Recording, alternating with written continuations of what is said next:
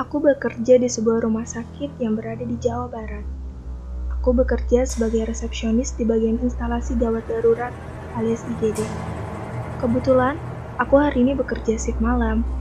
Karena sudah malam dan tidak ada pasien, aku duduk menunggu di meja resepsionis.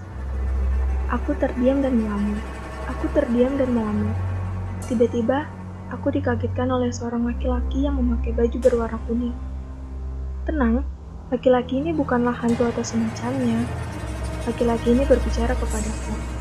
Eh, mbak, kayaknya pasien yang ada di kamar nomor 12 itu infusnya belum diganti deh. Mungkin bisa dicek. Seharusnya tugas-tugas ini disampaikan kepada perawat. Kebetulan sedang sepi dan aku tidak sibuk, aku langsung pergi mencari perawat di ruang tempat istirahat. Dan karena sedang tidak ada banyak pasien, para perawat sedang tertidur pulas. Aku sungkan untuk membangunkan mereka. Aku pun memutuskan pergi ke kamar nomor 12 untuk memastikan infus pasien tersebut belum diganti. Setelah aku cek, di kamar nomor 12 ternyata tidak ada siapa-siapa. Aku pun mulai bingung.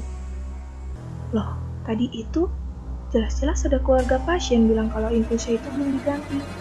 Tapi kok nggak ada orang ya? Aku merasa tidak nyaman untuk mengabaikan masalah ini. Aku pun memutuskan untuk membangunkan salah satu perawat yang sedang tidur istirahat.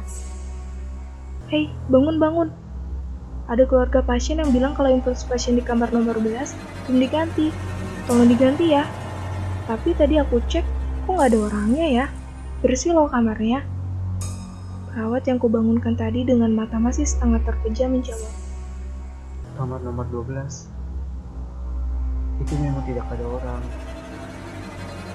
Kemarin ada yang kecelakaan sih.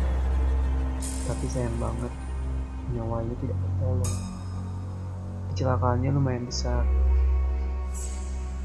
Udah langsung ke sini padahal, tapi nggak ketolong.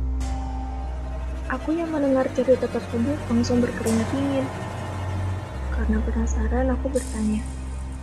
Tapi boleh tahu nggak, ciri-ciri pasiennya tuh kayak apa sih?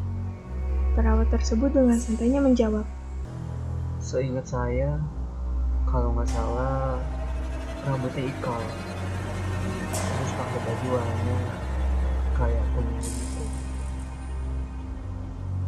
Iya, bajunya kuning dan rambutnya ikal. Aku langsung diam terpaku.